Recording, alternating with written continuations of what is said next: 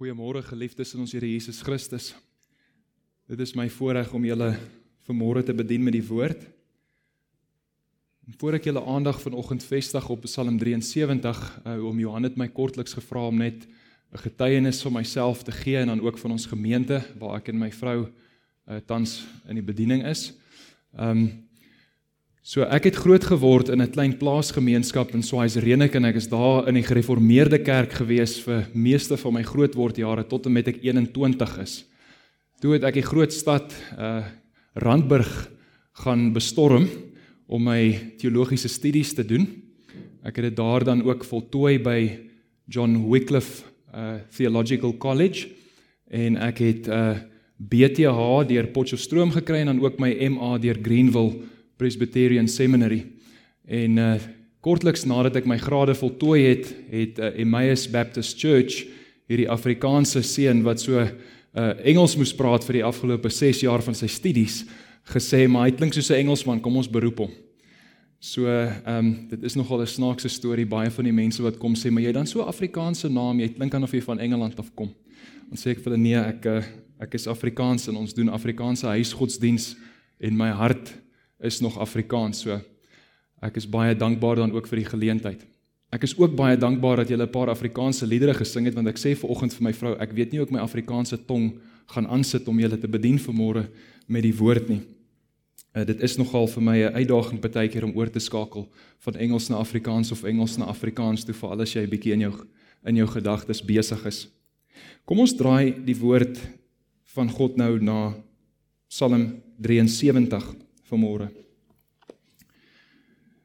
Ek moet sê ek het baie gewik en geweeg en gebid, wat bied ek vir u aan vanmôre? En vir die Here gevra om my te help. Daar is soveel wat op my hart weeg en uh, wat 'n mens kan uit God se woord uitbring. En een van my ou gunstlinge om na heen te gaan is Psalm 73 net oor die persoonlike stryd wat hier opgeteken is deur Asaf. Dis 'n Psalm van Asaf dan. Mense verwag as jy 'n Psalm oopmaak dat dit 'n Psalm van Dawid gaan wees. Min mense weet dat van die Psalms ook geskryf is deur mense soos Moses en dan ook Asaf. Ons ken almal die Psalms van Dawid. Veral dan Psalm 23 ook die Here is my herder. Maar vanmôre kom ons lees saam Psalm 73. Psalm van Asaf. Waarlik God is goed vir Israel, vir die wat rein van hart is. Maar wat my aangaan, my voete het amper gestruikel. My voetstappe het byna uitgegly. Want ek was afgunstig op die onsinniges toe ek die voorspoed van die goddelose mense sien. Want daar is geen kwellings by hulle nie. Gesond en vet is hulle liggaam. In die moeite van sterwelinge is hulle nie en saam met ander mense word hulle nie geplaag nie. Daarom is die trots om hulle soos 'n halssieraad. Die geweld bedek hulle soos 'n gewaad. Hulle oë pyl uit van vet. Die inbeeldinge van hulle hart loop oor. Hulle spot en spreek in boosheid, verdrukking. Hulle spreek uit die hoogte. Hulle stel hul mond teen die hemel en hul tong wandel op die aarde. Daarom draai hulle mense hul hierheen en waters in volheid word deur hulle geslurp. En hulle sê: Hoe sou God dit weet? En sou daar kennis by die Allerhoogste wees? Kyk, so is die goddelose mense en altyd onbesorg vermeerder hulle die rykdom. Waarlik, te vergeefs het ek my hart rein gehou en my hande in onskuld gewas. Die hele dag tog is ek geslaan en my tugting was daar, tugtiging was daar elke môre. As ek gesê het, ek wil ook so spreek, dan sou ek ontrou gewees het aan die geslag van u kinders. Toe het ek nagedink om dit te verstaan, maar dit was moeite in my oë. Totdat ek in die heiligdom van God ingegaan het en op hulle einde gelet het. Waarlik, u stel hulle op gladde plekke. U laat hulle in pyn verval. Hoe word hulle in 'n oomblik 'n voorwerp van verbasing? Vergaan hulle, raak hulle tot niet deur verskrikkinge soos 'n droom nadat 'n mens wakker geword het. O Here, so verag U as U opwaak hulle beeld. Toe my hart bitter gestemd en ek in my niere geprikkel was, toe was ek dom en het ek niks geweet nie. Ek was 'n dier by U. Nogtans is ek altyd deur by U. U het my regterhand gevat. U sal my lei deur U raad en my daarna in heerlikheid opneem. Wie het ek buiten U in die hemel? Buiten U begeer ek ook niks op die aarde nie. Al beswyk my vlees en my hart. God is die rots van my hart en my deel tot in ewigheid. Want kyk, die wat hulle ver van U afhou, vergaan. U roei hulle almal uit wat van U afhoereer. Maar wat my aangaan, dit is vir my goed om naby God te wees. In die Here, Here, het ek my toevlug gestel om al U werke te vertel. Soos wat ek die Psalm gelees het, sal julle seker ook sien dan, soos wat dit gepubliseer is, die titel vir hierdie preek vra 'n baie persoonlike vraag vir môre. En jy, wat van jou as jy gekonfronteer word met Asaf se worsteling, sit jy dalk met dieselfde worsteling en wondering oor hierdie dinge? En wat van jou? Wat is jou gevolgtrekking op hierdie stryd? Want Asaf is getrek in hierdie Psalm tussen afgunstigheid op die goddelose aan die een hand en dan vergenoegdheid in God aan die ander hand. So, afgunstig op die goddelose mense of vergenoegdheid in God. Dit is sy persoonlike stryd waarmee hy worstel in hierdie Psalm en soos wat jy ook sien, begin hy eers uit 'n plek van afguns. Hy kyk na die goddelose en hy sien en hy's afgunstig op hulle. So ons gaan in die eerste plek kyk na Asaf se afguns op die goddelose mense. In die tweede plek gaan ons in die Psalm sien hoe hy sy gedagtes skuif en ons gaan vra wat is dit wat hom geskuif het in sy denke? En wat is dit wat hy geleer het in hierdie worsteling met sy afgunstigheid op die goddelose mense en wat het sy omkeer veroorsaak? So dis Asaf se afguns aan die een kant, Asaf se omkeer en dan ook aan die einde het ons gesien Asaf se vergenoegdheid in God aan die einde van hierdie Psalm. So net as jy dink dat jy dalk miskien sit met afguns op die goddelose en dat dit is waar jy moet bly, ek hoop na die einde van die Psalm sal jy sien dat dit 'n progressie is. As jy sit met afguns in jou hart oor die goddelose of jy kyk na die mense en jy wonder hoekom gebeur goeie dinge met sulke tipe van mense? Hoekom ry daardie ou nou die wonderlike kar en hoekom het daardie ou nie bekommernisse nie? Hoekom het daai ou genoeg kos op die tafel en ek sit in hierdie swaar kry? Of ek sit met hierdie probleme? Dan leer ons ook van Asaf hoe om vergenoeg te wees in ons Here Jesus Christus dan ook. Een ding wat ons moet vra is wie is Asaf want ek dink nie baie van ons weet wie hy is nie. Soos julle sal sien in 1 Kronieke 16, ek gaan nou nie so intoe blaai nie, maar 1 Kronieke 16 vers 1 tot 7 wys vir ons waar Dawid die leviete wat die musiek maak uh, uh, voorstel en dan is Asaf die hoof wat die musiek lei in die tempel in die uh, tabernakel wanneer die ark van die Here dan ook terugkeer na Israel toe. Is Asaf een van die wat musiek gelei het vir die volk van Israel. So een van die dinge wat jy ook moet sien in die Psalm net is dis 'n baie persoonlike Psalm. Asaf noem baie keer my, ek, my worsteling. Baie persoonlik, maar onthou hy's die musiekleier. Net soos wat ons van ons liedjies vanmôre gesing het met die woorde ek en my en elkeen van julle is ingevoer in jou verhouding met God en jou toenadering tot God Maar ons sing dit ook as 'n gemeente saam, net so ook as hierdie Psalm, 'n persoonlike Psalm van Asaf, maar ook geskryf vir die hele gemeente van God, vir elke individuele Christen se stryd en worsteling om ook hierdie dinge te sien. So Asaf begin hierdie Psalm in vers 1 met 'n algemene waarheid. Let op in vers 1. Waarlik, God is goed vir Israel, vir die wat rein van hart is. Nou ek dink nie daar's enige iemand hier vanmôre wat sou stry met daardie stelling nie. Ons almal het tog goeie teologie. Ons almal uh, weet wat hierdie waarheid is. God is goed vir ons. Vir die wat rein van hart is. Ons almal kan dit aan mekaar erken. En ons is nie bang om dit te sê nie dat God goed is. Ons is baie keer bang om iets anderster te sê van God. Ons is te bang om te sê, "Wel, ek weet nie of God regtig goed is vir my nie, maar dit is die stryd waarmee Asaf sit." Hy sit met hierdie algemene waarheid, God is goed vir Israel, vir die wat rein van hart is. En wat Asaf nou gaan doen is om na homself te kyk in lig van hierdie waarheid.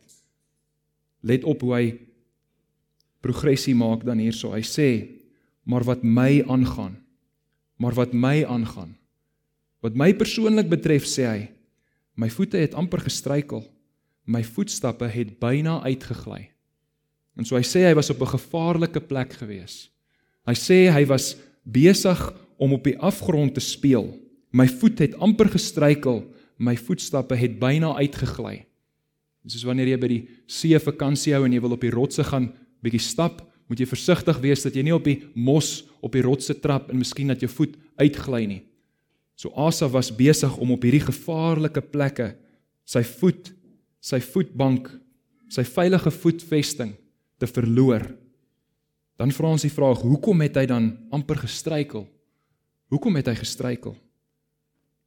Vers 3 sê dan vir ons hoekom hy amper gestruikel het. Hy sê want ek was afgunstig op die onsinniges toe ek die voorspoed van die goddelose mense sien. Asaf het gekyk na die on, onsinnige en die goddelose mense en hy het gesien kyk hoe voorspoedig is hulle. Kyk hoe lewe hulle kommerloos in hierdie dag, in hierdie tyd. Nou net so ook sit ons vandag en ons kan om ons kyk en ook sien dat daar baie goddelose en onsinnige mense is met wie dit oënskynlik baie goed gaan. Dit lyk asof hulle sorgeloos in hierdie lewe net voortgaan en hulle rykdom net vermeerder net soos in die dag van Asaf. En Asaf is afgunstig. Het u miskien ook hierdie worsteling al gehad om jaloers te wees, afgunstig te wees op die voorspoed van die onsinnige mense, van die goddeloses? Om te sê, wat help dit my dat ek nog die Here dien? Wat 'n voordeel is daar vir my om die Here nog te dien?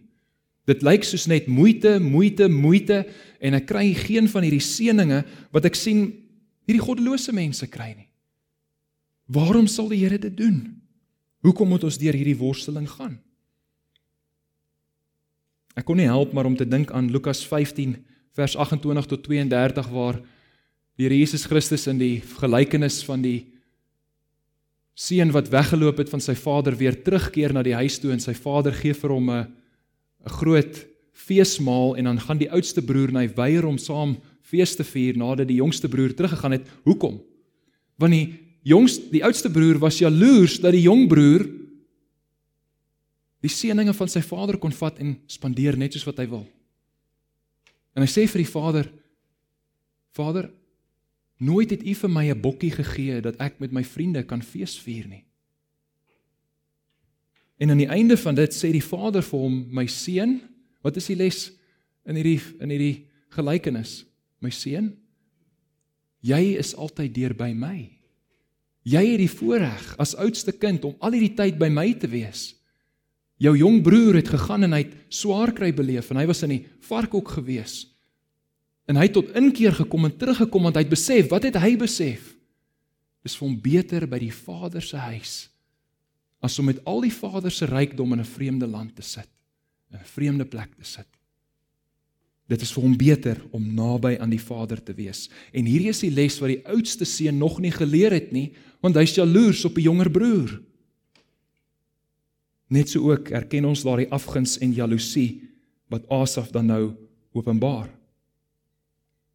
Ons sien in vers 4, hy sê hierdie goddelose en onsinnige mense, daar is geen kwellings by hulle nie. Hulle hoef nie te wonder soos wat Asaf miskien hoef te wonder waar sy volgende maaltyd vandaan gaan kom nie, maar ek dink nie Asaf het in so armoede gesit soos wat hy miskien dalk dink nie.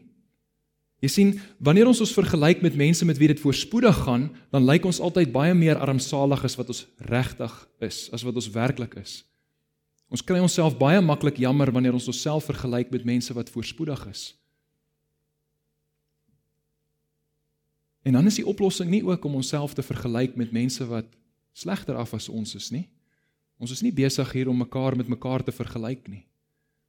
Let op wat die res van die Psalm dan ons ook leer. Ons moet dit wat ons het, dit wat ons gegee is deur God, kan sien in die lig van ons Vader wat voorsien, in die lig van ons God wat skepper en voorsiener is, wat vir ons alles gee wat ons nodig het vir lewe en godsvrug. God sorg vir ons. Psalm 23 herinner ons daaraan dat God is my herder. Niks sal my ontbreek nie. Dankbaarheid word gekweek nie deur om jouself te vergelyk met ander mense nie, maar word gekweek deur te kyk na jou hemelse Vader se voorsienigheid vir jou. Die goddelose, soos wat Asaf hier sê, daar is geen kwellings by hulle nie, gesond en vet is hulle liggaam. In die moeite van sterwelinge is hulle nie en saam met ander mense word hulle nie geplaag nie. Jy sien wat Asaf doen, vergelyk hulle met ander mense. Die ander mense word nie geplaag of hulle word nie geplaag soos al die ander mense nie. Let op hoe hy hulle beskryf in vers 6. Hulle is aangetrek met trots en met geweld. Trots is op hulle soos 'n halsieraad, die geweld bedek hulle soos 'n gewaad. Hulle is mense wat as jy hulle sien aankom, kan jy sien dat hulle trots en arrogant en selfvoldaan is. Selfbelangrik. En daarom bedek hulle geweld bedek hulle ook soos 'n gewaad. Hulle gee nie om vir ander mense nie. Hulle gee nie om oor hulle gesinne nie. Waaroor gee hierdie mense om? Hulle gee net om oor geldgierigheid en om die volgende ding te besit. En dis die tipe van mense waarop Asaf hier afgunstig is. Materialistiese mense. Mense wat net materiële belange najag ten koste van mense. Vir hulle gaan dit nie oor daardie werkgewer wat vir my werk nie of vir die mense by my kantoor wat my kollegas is nie. Vir my gaan dit net oor die volgende kontrak. Vir my gaan dit net oor my salaris aan die einde van die maand. Dis die tipe van mense op wie hy jaloers en afgunstig is want ek wil ook net na my eie belange omsien. Ek wil ook maar net na my eie materiële behoeftes omsien. Ek wil ook maar net in gemak kan voortleef. Dis my enigste begeerte. Dit vat nie vir ons lank om te sien dan dat hierdie persone dit voel vir ons asof hulle 'n sterk begeerte na materiële welbehae het. Dat dit sterk begeertes. Maar die waarheid hierso is, hulle het nie sterk genoeg begeertes nie want hulle begeer nietige dinge. Hulle begeertes is nie sterk genoeg nie want hulle begeer nietige dinge. Een van die gebede wat ek gereeld bid is dat die Here onder sy mense, onder Christene 'n honger en 'n groter begeerte onder sy mense sal wek. En dat dit 'n begeerte mag wees na hom en na sy woord en na die hemelse dinge en nie net op 'n materiële vlak nie. Ek dink ons het vir te veel jare in die kerk ook hierdie dinge nagejaag. Of dalk nie eers nagejaag nie, maar net 'n neutrale standpunt daaroor gehandhaaf. Daar's tog niks meer verkeerd om hier materiële dinge na te jaag nie. Ons moet ons begeertes in ons harte ondersoek.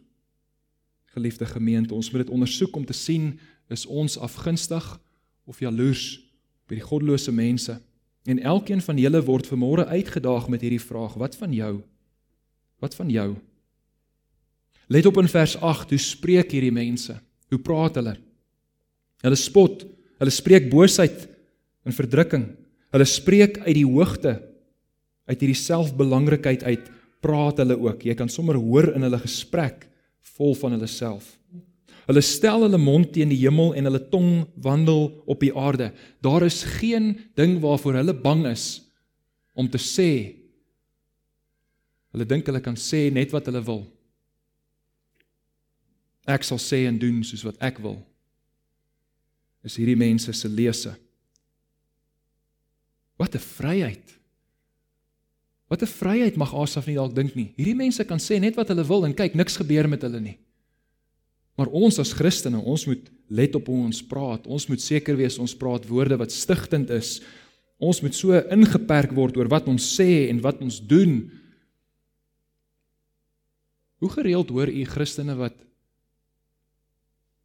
gefrustreerd raak omdat daar beperkings op ons is as Christene? Hoeveel mense wat sleg praat van God se wet en sê dit is so beperkend? Dit perk my so in. Die wet lyk net beperkend vir mense wat nie verstaan dat dit God is wat sy wet gee nie. Ons as Christene moet pasop dat ons nie die wet van God losmaak van God wat dit gegee het nie. Dat ons net 'n stel reëls het sonder God en God weglaat uit die prentjie. Dit is hoekom reëls en regulasies vir ons voel asof dit so beperkend is. Want ons het die God wat ons vrymaak weggelaat. Maar wanneer ons sien dat God wanneer hy sy wet ook gee, homself identifiseer as ek is die Here jou God, daarom gaan lees selfs Levitikus 19 wanneer dit praat oor die heiligheid van God en hoe sy mense ook moet heilig wees, gaan let op hoeveel keer in daardie hoofstuk herhaal die frase doen hierdie want ek is die Here jou God, want ek is die Here jou God, want ek is die Here jou God. Enige beperking wat ons ervaar of wat ons het, moet ons verstaan in die lig van ek is die Here jou God. God is nie 'n God wat jou pret wil bederf nie. God is 'n Vader wat jou beste belange op die hart het en jou wil waarsku van die afgrond en jou wil aanspoor op die pad van heiligheid sodat jy sy volledige seën mag ervaar.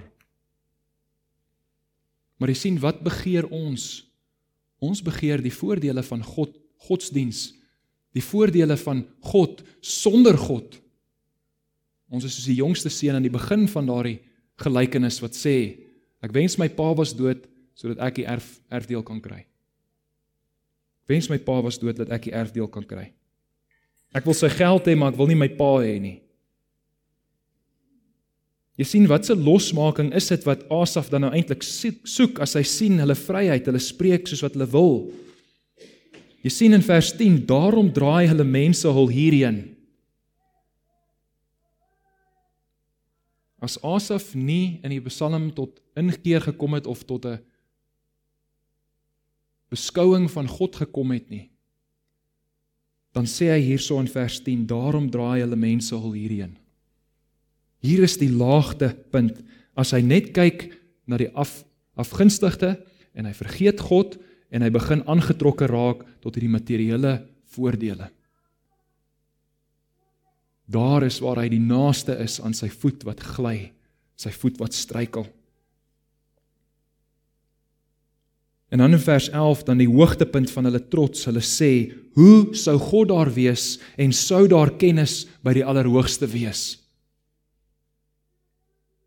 En selfs Asaf het dit begin oorweeg. Hoe sou God dit weet? Waarlik, God is goed vir Israel, vir die wat rein van hart is. Lyk nie meer soos 'n waarheid om te koester of jou eie te maak nie. Dit lyk meer soos 'n ag, hierdie klomp gelowige mense wat sulke goeie dinge van hulle God sê, maar ag, glo ons dit regtig? Glo ons dit werklik? Hoe sou God dit weet en sou daar kennis by die Allerhoogste wees? Is hy eers betrokke? Is hy eers met ons? Is hy eers hier? Dit klink amper asof Asaf vra, "Waarom gebeur goeie dinge met slegte mense?" Jy al ooit aan daardie vraag gedink? Waarom gebeur goeie dinge met slegte mense? Ons vra baie keer die teen, teendeel wanneer dit sleg gaan met iemand in die gemeente of wanneer daar siekte of swaar kry in 'n familie is. Hoekom gebeur goeie dinge of slegte dinge met goeie mense? Ons wonder ook baie keer hoekom gebeur goeie dinge met slegte mense? In vers 12 sluit hy af om te sê: "Kyk, so is die goddelose mense en altyd onbesorg vermeerder hulle die rykdom. En hier in vers 13 sê Asaf waarlik. En jy sal ook oplet, hy begin met waarlik, God is goed vir Israel, die algemene waarheid. Maar in vers 13 nou sê hy waarlik, hier is die waarheid wat Asaf besig is om te oordink. En wat hy begin dink is waar van hom. Te vergeefs het ek my hart rein gehou Jy sien in Asaf se hart het hy tot die gevolgtrekking gekom my hele lewe tot op hierdie punt is te vergeefs. Is niks. My hele lewe as een van God se kinders. My hele lewe ook as een van die wat musiek lei in die tempel, in die gemeente van God. Te vergeefs het ek my hart rein gehou en my hande in onskuld gewas.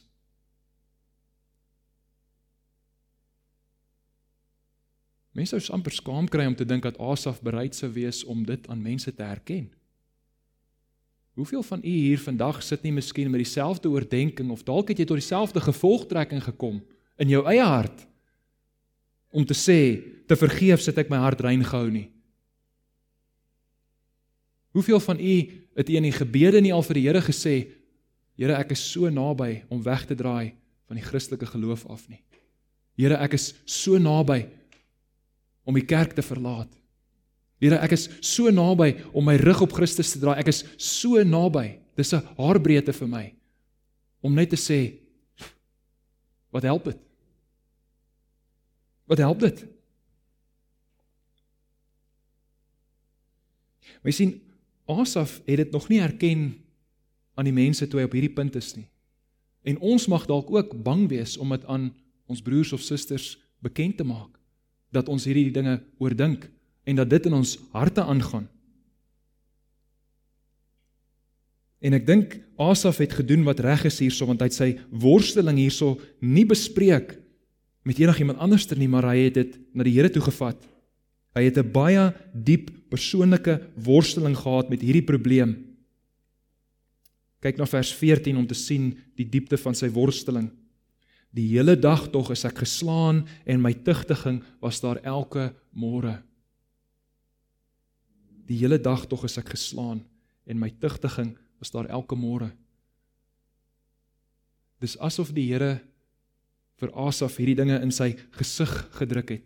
Asof die Here dit vir hom moeilik gemaak het deur die goddelose mense rondom hom te seën met baie materiële seëninge. So asof die Here net daarop uit is om Asaf te na te kom. Die hele dag tog as ek geslaan in my tugtiging was daar elke môre.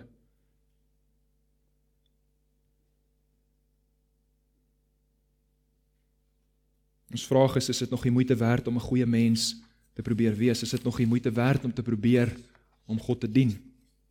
dan moet ons let op die omkeer van Asaf. Kom ons kom nou by die tweede deel hierso van die preek. Asaf se omkeer. So vir die wat jy van julle wat in julle hart ook voel, jy wat in jou hart ook voel, is dit nog die moeite werd? Kom ons gaan kyk wat se antwoord ons hier in Psalm 73 het.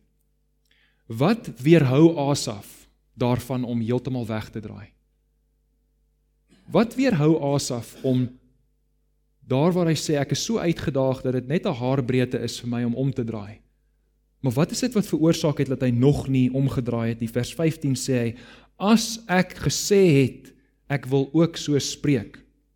As ek my mond sou oopmaak om ook so te spreek, dan sou ek ontrou gewees het aan die geslag van u kinders. Dan sou al my broers en susters hulle monde laat oophang het en sê, "Oh, sou dit nooit van hom verwag het nie." Wat 'n skok.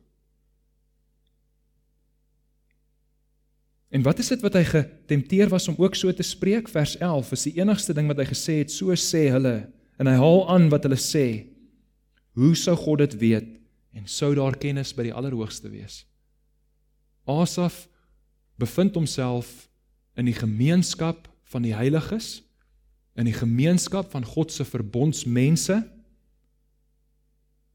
En as hy so sou spreek, sou die verbondsmense van God in die steek gelaat word. Dan sou ek ontrou gewees het aan die geslag van u kinders. Wat weerhou vir jou en vir my om weg te draai van die geloof af? Is dit miskien jou broers en susters hier in die gemeente? Is dit miskien jou ouers? Miskien jou wyre familie. Wat sal die mense van my dink? Wat sal my Christen vriende van my dink? En dan dink ons maar, dit klink nou nie heeltemal so wonderlik en godsvrugtig en goddelik dat hierdie dinge is wat ons terughou nie. Ons moet mos 'n hart hê wat warm vir die Here is en dit moenie hierdie eksterne dinge wees wat ons in verbond met God hou. Dit moenie hierdie eksterne dinge wees van die Here wat ons bestuur nie. Maar ons moet een ding onthou. Ons moet een ding onthou van ons Here Jesus Christus en van ons God is dat hy soewerein is selfs oor ons eksterne omstandighede en al wil hy by jou hart uitkom al wil God by jou hart uitkom gaan hy nie die eksterne omstandighede of die eksterne middele tot sy beskikking neerlê om by jou hart uit te kom nie. Hy gaan dit gebruik. Hy gaan dit gebruik, liewe gemeente, jou omstandighede, die mense om jou, wie jy is, hoe hy jou gemaak het, al hierdie dinge. Hoe sê Paulus in Romeine 8? Al hierdie dinge werk ten goeie mee vir die wat God liefhet. Elke ding wat gebeur, gebeur in goeie vir die kinders van God. Vers 16 sien ons Asaf het nagedink om dit te verstaan. Hy sê maar dit was moeite in my oë. Dit was moeite in my oë. Hy het geworstel met hierdie. En hy sê ek het geworstel met hierdie vers 17 waar is dit waar hy sy antwoord gekry het totdat ek in die heiligdomme van God ingegaan en op hulle einde gelet het. Op hulle einde gelet het. Hierso kry jy amper die prentjie asof Asaf hierdie mense gesien het terwyl die partytjie nog lekker is. Terwyl hulle nog hulle gesig vol kos druk. En nou sê hy nou dat hy in die heiligdom van God ingegaan het en op hulle einde gelet het, nou lyk dit vir hom meer so 7 uur in die oggend na die partytjie. Wanneer almal op die vloer uitgepaas lê. En waar hulle opstaan en sê, "O, oh, my kop." Totdat ek in die heiligdom van God ingegaan het, waar het hy sy antwoord gekry en jy sien hier het Asaf sy antwoord gekry in die heiligdom van God. Asaf in die tempel besig om God te aanbid en sy dienste verrig in die tempel en dan tref dit hom soos wat die Here in sy goedheid ook deur sy woord met Israel gespreek het en vir sy mense gewaarsku het om nie soos die goddelose te wees nie want kyk wat gebeur met die goddelose Dis in die tempel waar hy dit gesien het waar leer ek en u dan ook waarheen om te gaan? Waar leer ons dan om te sien en op die einde te let van sulke mense? Is dit nie hier in die gemeente, is dit nie van ons Here Jesus Christus toe hy ook in die bergpredikasie in Matteus 7 gesê het daar's 'n breë weg, daar's 'n smal weg. En dan het hy ook aan die einde gesê die wat na my woord luister en dit doen sal vergelyk word met die wyse man wat op die rots bou. Maar hy wat na my woorde nie luister en dit nie doen nie, sal vergelyk word met 'n dwaase man wat bou op die sand. En die reën kom en groot is die val van daardie huis. Christus het nie gekom met dreigemente nie. Christus het gekom met beloftes. Vir die wat sy woord hoor en gehoorsaam is, God seën. Vir die wat sy woord hoor en nie luister nie, God se oordeel. God se oordeel. En dit is wat Asaf hier geleer het. Nou ons Here Jesus Christus is opgeneem in heerlikheid. Hy is liggaamlik waar hy sit aan die regterhand van die Vader. Maar wat is dit dan wat ons hoe hoe nader ons tot God? Vandag wanneer ons Here Jesus Christus aan die regterhand van die Vader sit, hy is dan so ver van ons. Maar tog nie, geliefde gemeente. Want toe hy opgevaar het in die hemel, wat het hy gedoen? Het hy nie in Johannes se evangelie gesê ek gaan na die Vader om vir die Vader te vra dat hy vir julle die Heilige Gees stuur nie? En dan sê hy ook ek gaan in 'n ander gedeelte in Johannes en hy sê ek gaan sodat ek vir julle die Heilige Gees kan stuur.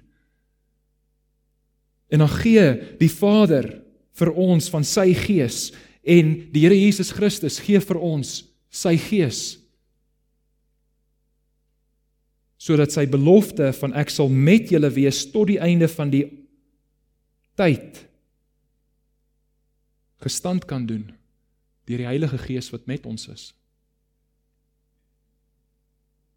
En dan leer ons ook deur die apostels en veral Paulus wanneer hy skryf in 1 Korintiërs 3 vers 16 en hy sê vir die kerk in Korinte weet julle dan nie weet julle dan nie en dis net so waar van Antipas gemeente, net soveel van Emmaus Baptist Church, net soveel van enige van die plaaslike gemeentes wat die Here Jesus Christus vir homself het. Weet julle nie dat julle 'n tempel van God is deur die Heilige Gees wat in julle midde is nie?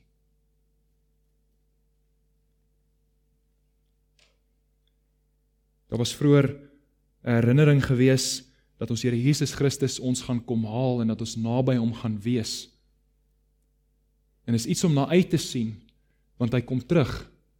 Maar ons moet ook in die tussentyd onthou dat ons nie sit sonder God se teenwoordigheid met ons in die gemeente nie. Ons sit in die teenwoordigheid van die lewende God deur sy Heilige Gees en deur die woord van Christus wat verkondig word aan die gemeente. Want dit is die woord van God en dit is die gees van God en so hou God ons vas, net soos wat God vir Asaf gedoen het deur die gemeenskap van gelowiges in die Ou Testament. So moenie jou gemeente verag wanneer dit met jou swaar gaan nie. Moenie dink dat wanneer jy deur so 'n persoonlike stryd gaan dat die gemeente geen rol daarin het nie. Wanneer jy sulke worstelinge het, is dit juis jou geleentheid om jouself te gee. Kom na elke Bybelstudie toe, kom na elke gebedsgroep toe. Omring jouself soveel as moontlik met medegelowiges en verlang om tussen medegelowiges te wees want jou medegelowiges help jou om warm te word vir die Here Jesus Christus en vir God in die hemel.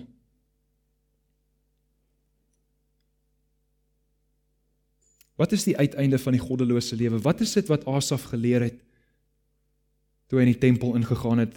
Vers 18: Waarlik, U stel hulle op gladde plekke. Hierdie materiële goed wat die Here vir hulle gee, is nie 'n seën nie. Dit is vuurige kole op hulle kop.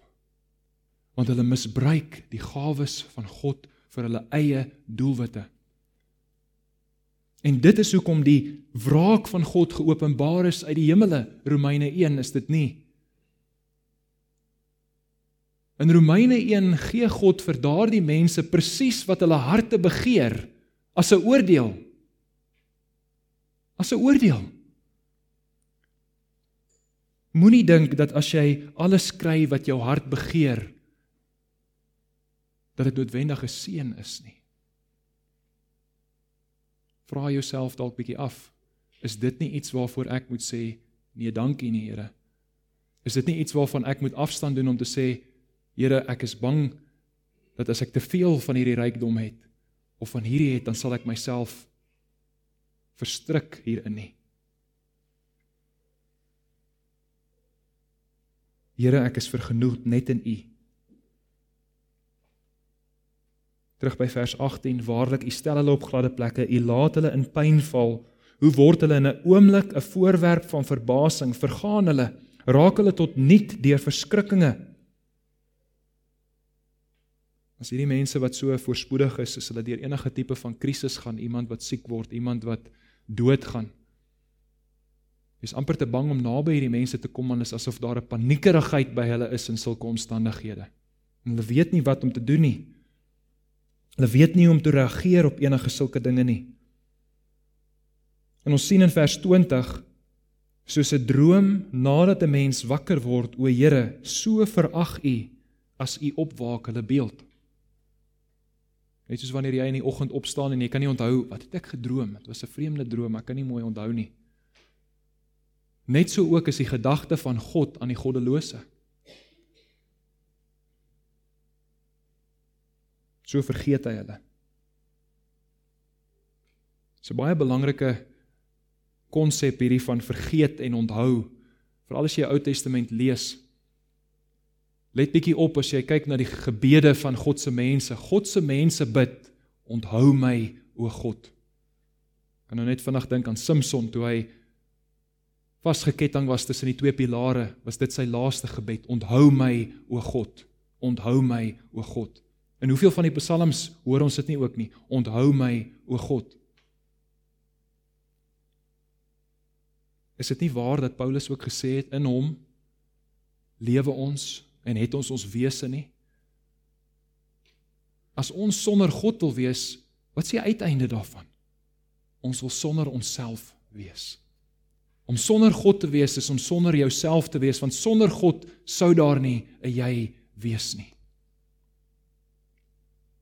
So op die einde van die dag om oorlog met God te verklaar is die grootste grootste vorm van selfvernietiging wat daar is.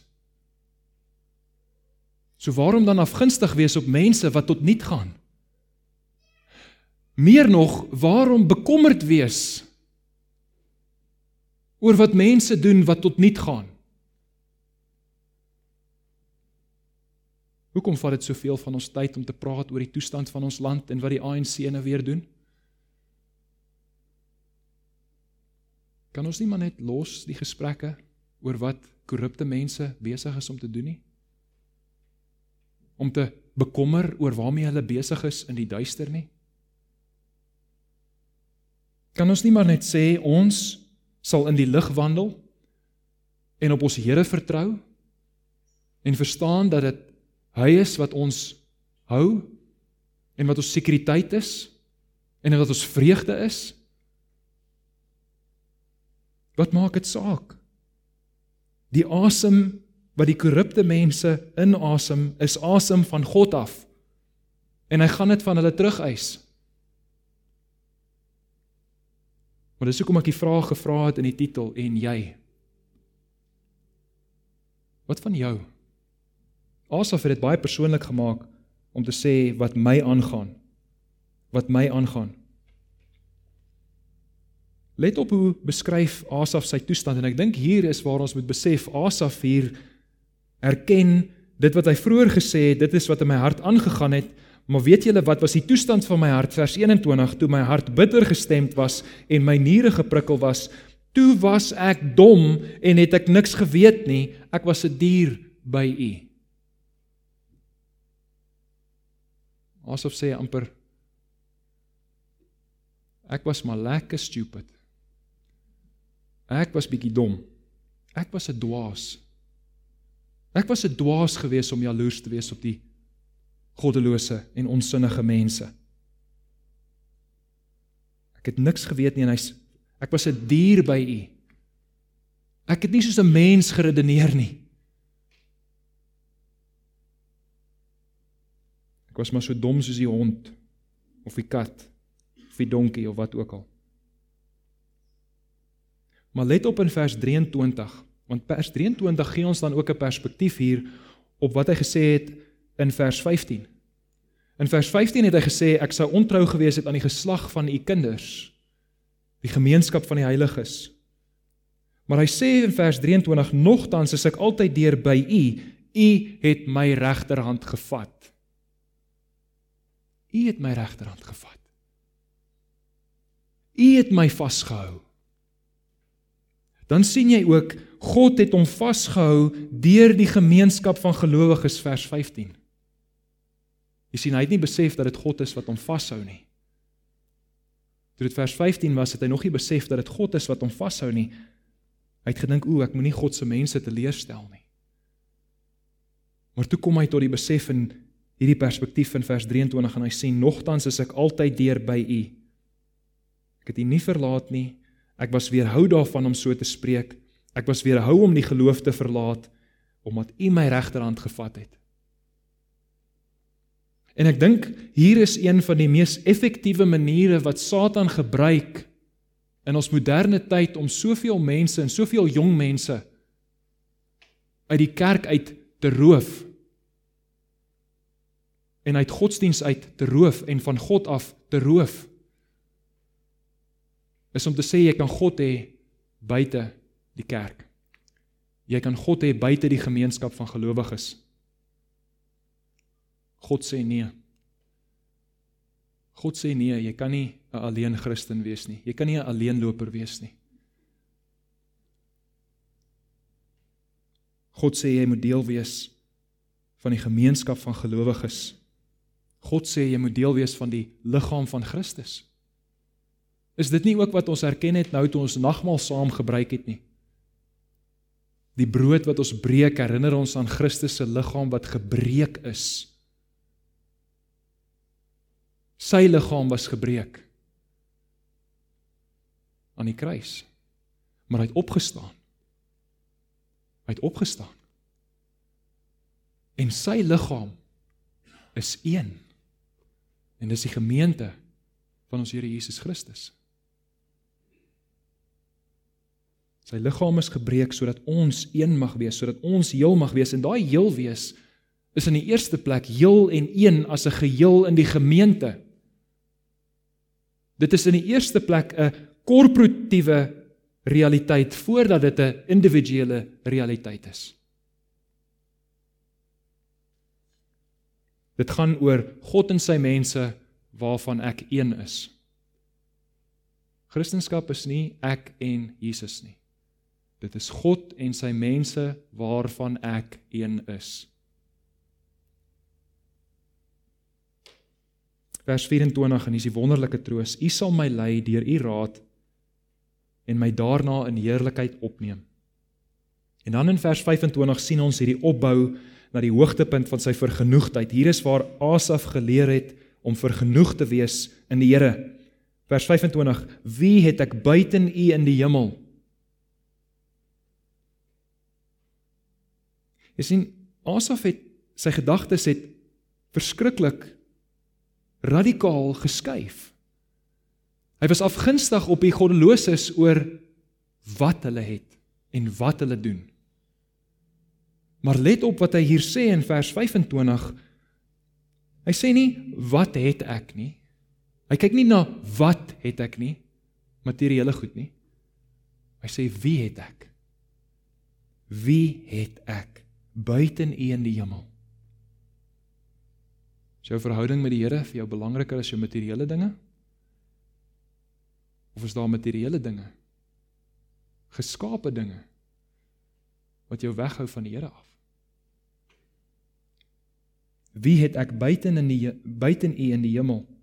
Buiten U begeer ek ook niks op die aarde nie. Nie 'n huis nodig nie, ek nie 'n kar nodig nie. Ek het nie geld nodig nie. Wat het ek nodig? Net God. Net God. Vat hierdie groot stad, vat hom weg. Sit jou as individu in 'n woestyn. Jy wat die Here ken, kan jy vergenoegd wees in sulke omstandighede? Wat het ek wat het ek nog nodig? Kan ek vergenoegd wees om God te ken. Is dit vir my genoeg? Net om God te ken. Maar kyk, wat doen God dan ook vir ons? En jy sien, dit is wat ons nodig het om aan te dink. Jy sien, ons sien al hierdie dinge as goed wat in die pad staan van ons verhouding met God en ons dink ons is te besig en ek dink ek in die tyd vir Bybelstudie en ek nie tyd vir gebed nie want ek moet al hierdie goed onderhou en Maar wanneer ons ons perspektief skuif en sê geen van hierdie goed sal hier wees as dit nie eerste plek vir God was nie. En dan besef jy maar God het hierdie vir my gegee. Hierdie gemeente het hierdie gebou want God het dit aan hierdie gemeente gegee om te gebruik. Jy het 'n rentmeesterskap voor God vir dit wat jy het. Manne, julle het rentmeesterskap in julle huise vir julle huwelik vir julle kinders. Want hierdie dinge is aan julle gegee. Julle gesinne is aan julle gegee. Die gemeenskap van die gelowiges is aan julle gegee deur God. Vers 26 Al beswyk my vlees en my hart al beswyk my vlees en my hart en hier is die troos al al is my hart en my vlees geneig om afgunstig te wees, jaloers te wees, ontrou aan God te wees. God is die rots van my hart. Geliefde gemeente, as jy een van God se kinders is, dan het God jou hart in bewaring by hom. Jou hart is in bewaring by hom. God is die rots van my hart. Jy sien in die idee hier van God wat die rots van my hart is. Hy het gesê my voet het amper gestruikel. Die rots is die vaste plek waar jy kan staan. God is die vaste gronde En net so ook dan onthou Christus se woorde, die wat my woord hoor en daarna luister, sal soos die wyse man wees wat op die rots bou. Hoe bou ons op die rots, geliefdes? Deur te hoor wat God sê en te doen wat hy sê. Kyk, vers 27, die wat hulle ver van U afhou vergaan. U roei hulle almal uit wat van u afhoereer. Asaf sien daar is net twee opsies vir 'n mens. Jy is of in vriendskap met God of in vyandskap met God. Jou siel, jou sielstoestand is in een van hierdie twee. Jy is of in vriendskap met God of in vyandskap met hom. Want die wat hulle self gee vir hulle materiële dinge, moenie dink Ja, God het niks regtig hieroor te sê of hoe sal hy dan nou weet nie? Jy sien, hulle dink en leef asof wat maak dit saak of ons God ken?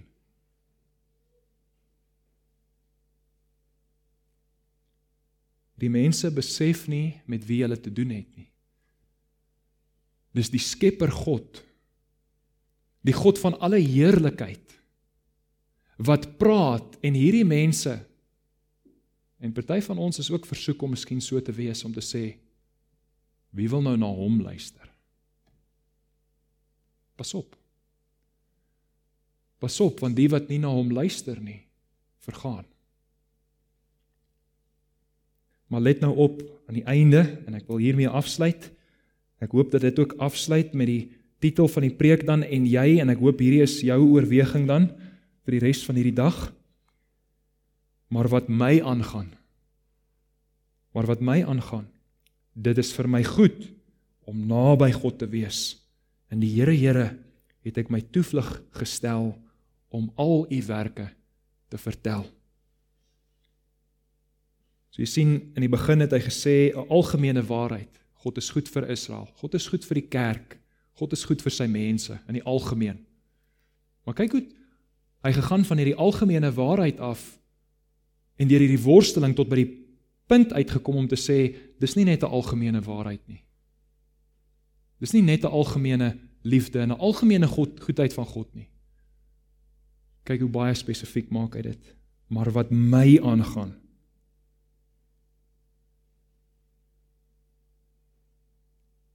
Moenie so bekommerd wees oor of daai ene Christen is en of daai ene Christen is en o Here help net vir daai ene en help vir daai ene met sy hart of met sy probleme nie. Ons as Christene en ons is in die kerk moet baie versigtig wees en ek sê dit omdat ons in ons gemeente in ons gebedsgroepe het ek al begin vir die mense sê pas op dat ons nie in ons gebede walle gooi nie. Here help daar, Here doen daar iets want ons staan eintlik terug en sê los my uit. Los my uit. Here, as U net al die ander mense se harte sal verander, sal die plek al baie beter wees. My hart's oukei. Okay. En God sê vanmôre vir jou, jou hart is eerste. As jy werklik glo dat al wat mense nodig het is om hulle harte aangeraak te hê deur God, dat God hulle harte verander. En as jy dit werklik glo, Dan gaan staan jy voor in die ry. Here help my. Here verander my hart. Ek wil die eerste een wees wat u goedheid indrink. Wil nie agter staan nie. Wat my aangaan en ek hoop dis die gebed my gebed vir elkeen van julle vanmôre. Ek hoop wat julle aangaan dat dit goed is vir julle om naby aan God te wees en dat julle in die Here Here julle toevlug sal stel om al sy werke vir julle dan ook te vertel. Selfs die werk wat hy vanmôre gedoen het om julle te wys as daar miskien twyfeling by julle was oor sy goedheid of oor sy nabyheid.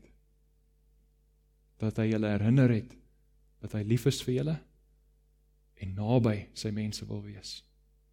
Kom ons dank die Here saam.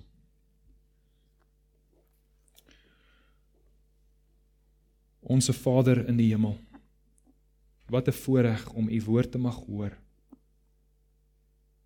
Wat 'n voorreg vir ons om hier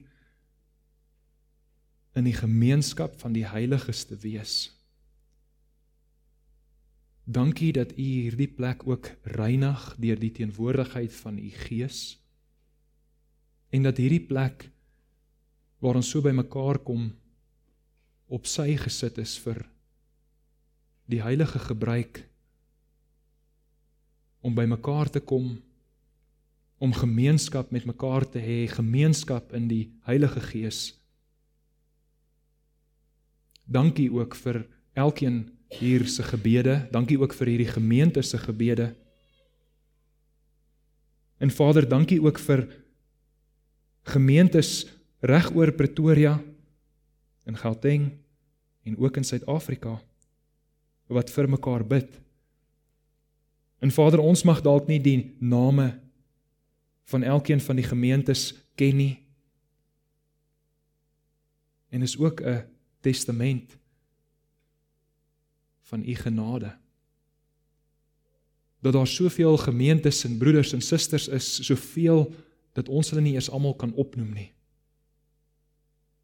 Wat 'n voorreg o Here om in hierdie tyd te leef waar daar soveel broeders en susters in die geloof ook is. Ja Here, ons weet dat wanneer ons dit vergelyk met die goddelose mense is hulle meer. Maar Vader, wanneer ons hulle vergelyk met die gelowiges oor die eeue, dan sien ons ook in watter bevoordeelde tyd ons leef om meer broers en susters in die geloof te mag hê vandag as wat die gelowiges 400, 500, 600 jaar terug gehad het.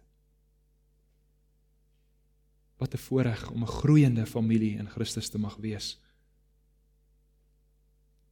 En Vader, help ons dan ook wanneer ons in die versoeking is om afgunstig te wees op die goddelose en na hulle materiële voorspoed te kyk, mag ons dan onsself herinner aan ons Here Jesus Christus wat vlees geword het, wat mens geword het in armoede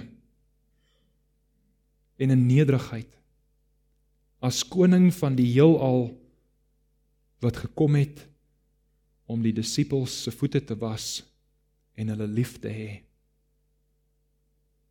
mag ons hierdie selfde gedagte in ons denke hê dat ons dienaars van ons God mag wees en dat ons U mag dien in die opbou van die gemeente en van u mense. Versterk u ons hande vir die werk waarvoor u ons geroep het. En dan vra ons o Here bevestig die werk van ons hande dat dit vir nog vele jare mag staan. Nie omdat ons so goed of wonderlik is nie, maar oor u genade wat seën bring. Amen.